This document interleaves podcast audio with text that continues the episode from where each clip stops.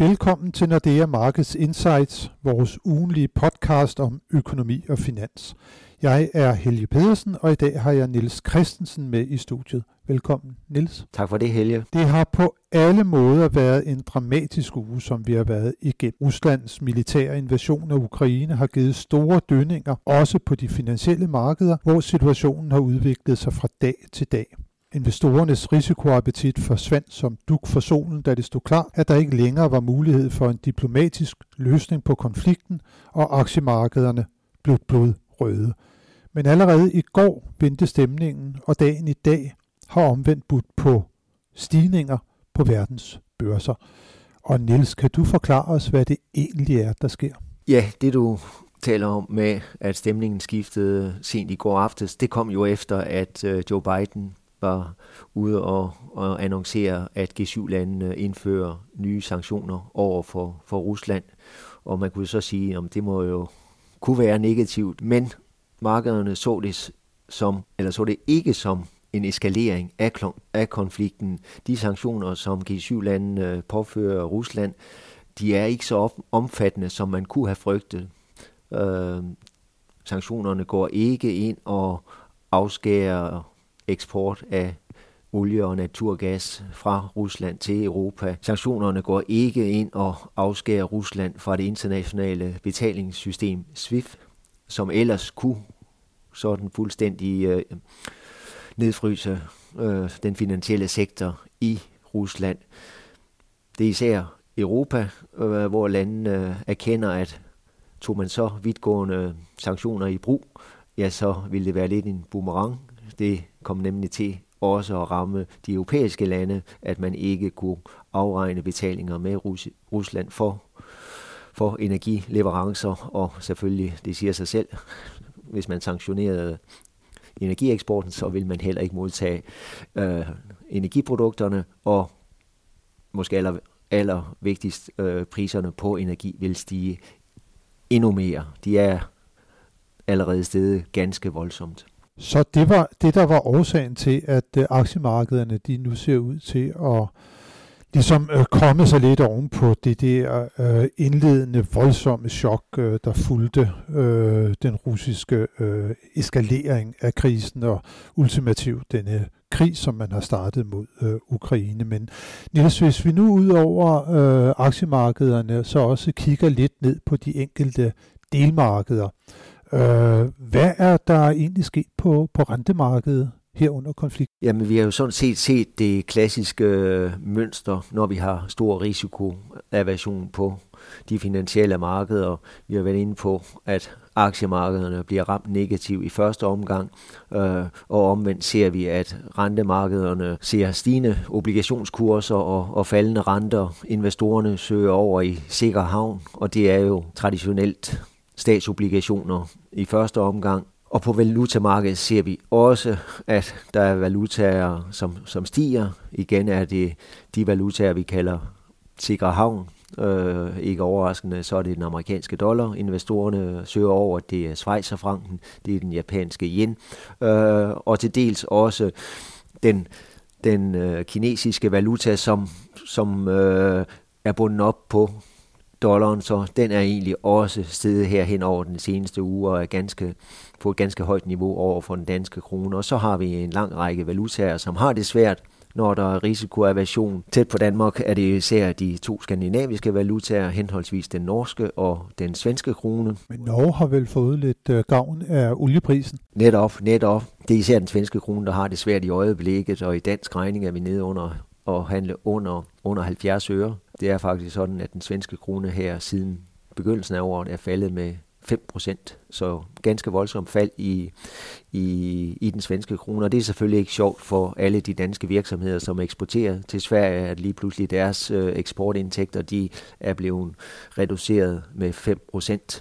Men som du siger, den norske krone, den har også en tendens til at have det lidt svært, når der er risikoappetit. Øh, men her bliver den så, om jeg så må sige, reddet på målstregen af den kraftige stigning i olieprisen. For vi har jo en oliepris, som nu ligger over 100 dollar for en tynde olie.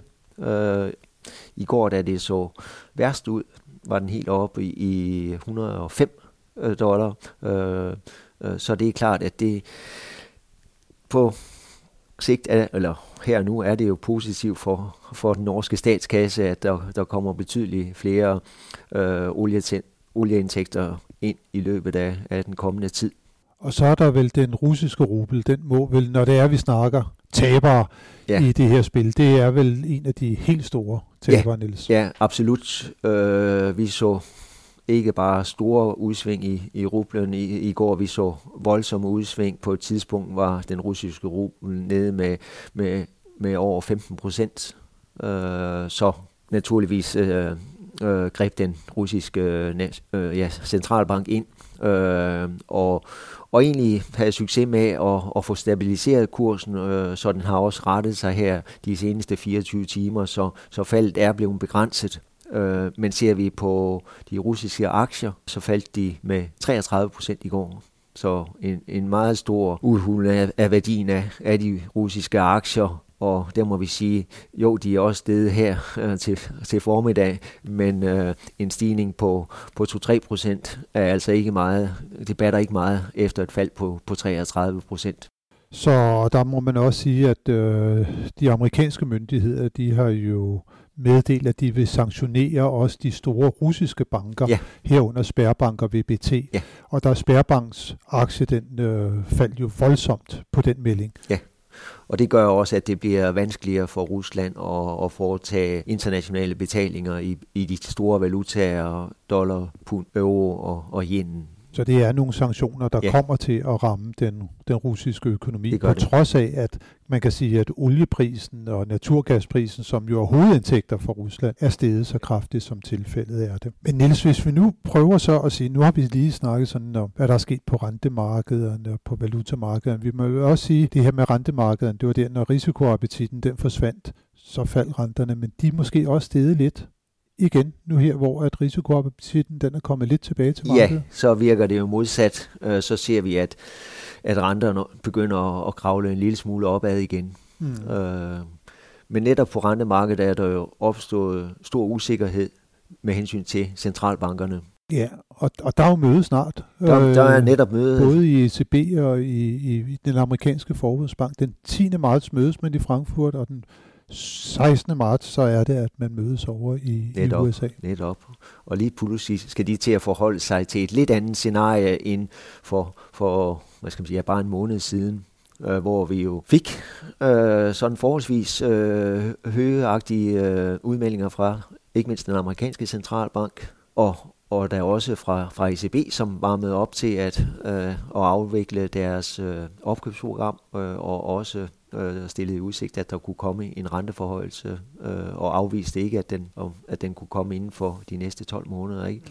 Men vi må sige, at den seneste udvikling, du var inde på øh, med hensyn til energipriserne, oliepris over 100 dollar. I går så vi, at de europæiske naturgaspriser steg 50 procent. Det gør jo, at inflationsudsigterne er blevet forværret, øh, men samtidig gør det jo også, øh, at købekraften hos de europæiske forbrugere og virksomheder for den sags skyld, jo lige pludselig bliver reduceret.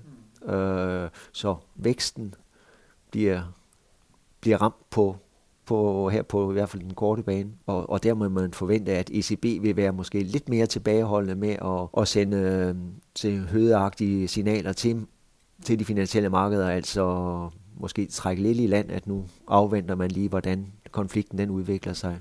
Der må man sige, at ECB var jo faktisk også ude, eller i hvert fald nogle af styrelsesrådsmedlemmerne var ude sådan efterfølgende på det, det rentemøde, som vi snakkede om før, hvor man blev tolket meget høje, øgeagtigt, ja. og forsøg på ligesom at neddæmpe de her markedsforventninger til, at der kom aggressive øh, stramninger fra ECB's side. Så ECB har allerede forsøgt på ligesom at tale øh, markederne lidt til roter, og, og så er det klart, at den her situation i Ukraine, det ligger tæt på euroområdet, det er noget, der vil påvirke europæisk økonomi langt mere end den amerikanske økonomi. Bestemt. Og derfor så er det måske også, at det mere er ECB, vi kan vente nogle mere afdæmpede øh, udtalelser fra en, en forbundsbanken. Der er vel Absolut. stadigvæk Absolut. intet, der tyder på, at USA skulle ligesom øh, vende på en tallerken og, og, og komme med mere duagtige meldinger. Vi venter vel stadig, at øh, Fed kommer til at sætte renten op nu ja, her på netop, mødet? Netop. Det, det har jo ligget i, i korten i længere tid, at, at uh, Fed på, på mødet, som du, sag, som du siger, nævner den, den 16. marts, vil begynde at komme med den første renteforhøjelse. Og for et par uger siden var der jo endda forventninger om og spekulation om, den renteforhøjelse måske ikke blev på 25 basispunkter, men hele 50 basispunkter. Øh, og sandsynligheden for, at det skulle blive 50 basispunkter, ja, den er lidt aftaget efter den seneste udvikling og den usikkerhed, der ligger omkring konflikten i Ukraine, men en renteforhøjelse, den kommer. Det, øh, det tror markedet fast og fuldt på, øh, på 25 basispunkter. Så må vi se, hvad, hvad, hvad der følger med af kommentarer fra den amerikanske centralbank. Ja, det bliver i hvert fald øh, enormt øh, spændende at se. Det er meget men, øh, men det bliver super spændende at se, hvad der kommer til at være udmeldinger fra de øh, store centralbanker her på møde øh, i, øh, i midten af marts måned. lige øh, her til, øh, til sidst, øh, før det er, vi lige kigger ind i næste uges økonomiske nøgletal, så vil jeg nævne, at vi også i Nordea har kigget lidt nærmere ind i Danmarks samhandel med Rusland og Ukraine, og der synes jeg faktisk, at det er lidt opmuntrende i en trist tid at kunne konkludere, at den direkte afhængighed for dansk økonomi af Rusland og Ukraine er relativt begrænset. Øh, det er faktisk sådan, at øh, Danmarks samhandel med, Ukra- med, med Rusland kun udgør cirka 1% af den samlede danske udenrigshandel, mens andelen med Ukraine er endnu mindre, og det i kombination med, at dansk økonomi jo er bumstærk for tiden, giver belæg for en vis optimisme med hensyn til, hvor hårdt at vi kan blive ramt af den aktuelle konflikt. Men, øh, men Niels, lige her til allersidst, øh, så skal vi lige snakke om de store begivenheder i næste uge. Der er især to begivenheder, som der kan få betydning, afgørende betydning faktisk for udviklingen på de finansielle markeder. Det er på onsdag, der får vi flash inflationstallet for euroområdet. Hvad skal vi øh, vente os der? Inflationspresset har været der igennem længere tid, også i eurozonen, og vi blev overrasket over tallet for januar måned, som landede helt op på 5,1 procent. Øh, men vi må sige, at det ligger fortsat i korten, at at øh, inflationen i eurozonen er, er for opadgående, og det, de seneste øh, stigninger i olieprisen øh, og energipriserne får selvfølgelig ikke øh, betydning for, for tallet på, på onsdag, som er fra februar måned, men alligevel så er der forventninger til, at vi kommer til at se endnu højere inflation. Og det er jo, det, det gør ikke ECB's dilemma mindre, altså med hensyn til, at man kan frygte for en vis vækstafmatning, men stadigvæk vi har inflation. Så, så det bliver lidt vanskeligt for, for ECB at navigere i, i det aktuelle, den aktuelle situation. Udover inflationstallet for euroområdet, så er der jo den amerikanske arbejdsmarkedsrapport, kongetallet, som man plejer at kalde det, og det er øh, på næste fredag, hvor job- og løntallene de kommer i fokus. Skal vi forvente os noget øh, der, Niels? Øh, Markedet vil i hvert fald øh, kigge øh, rapporten igennem. Vi blev overrasket sidste øh, måned, positivt overrasket. Øh, der var flere end øh, 400.000 nye nye job, hvor det var, var det 469.000 nye job, betydeligt flere end forventet. Så den her gang øh, er, der, er forventninger lidt mere afdæmpet. Omkring 300.000 nye job er der forventninger om. Men det vi, jeg vil sige, især skal lægge mærke til, det er løntallet, det der hedder average earnings, øh, som også steg i, i januar måned øh, og ligger omkring de 5% i, i USA.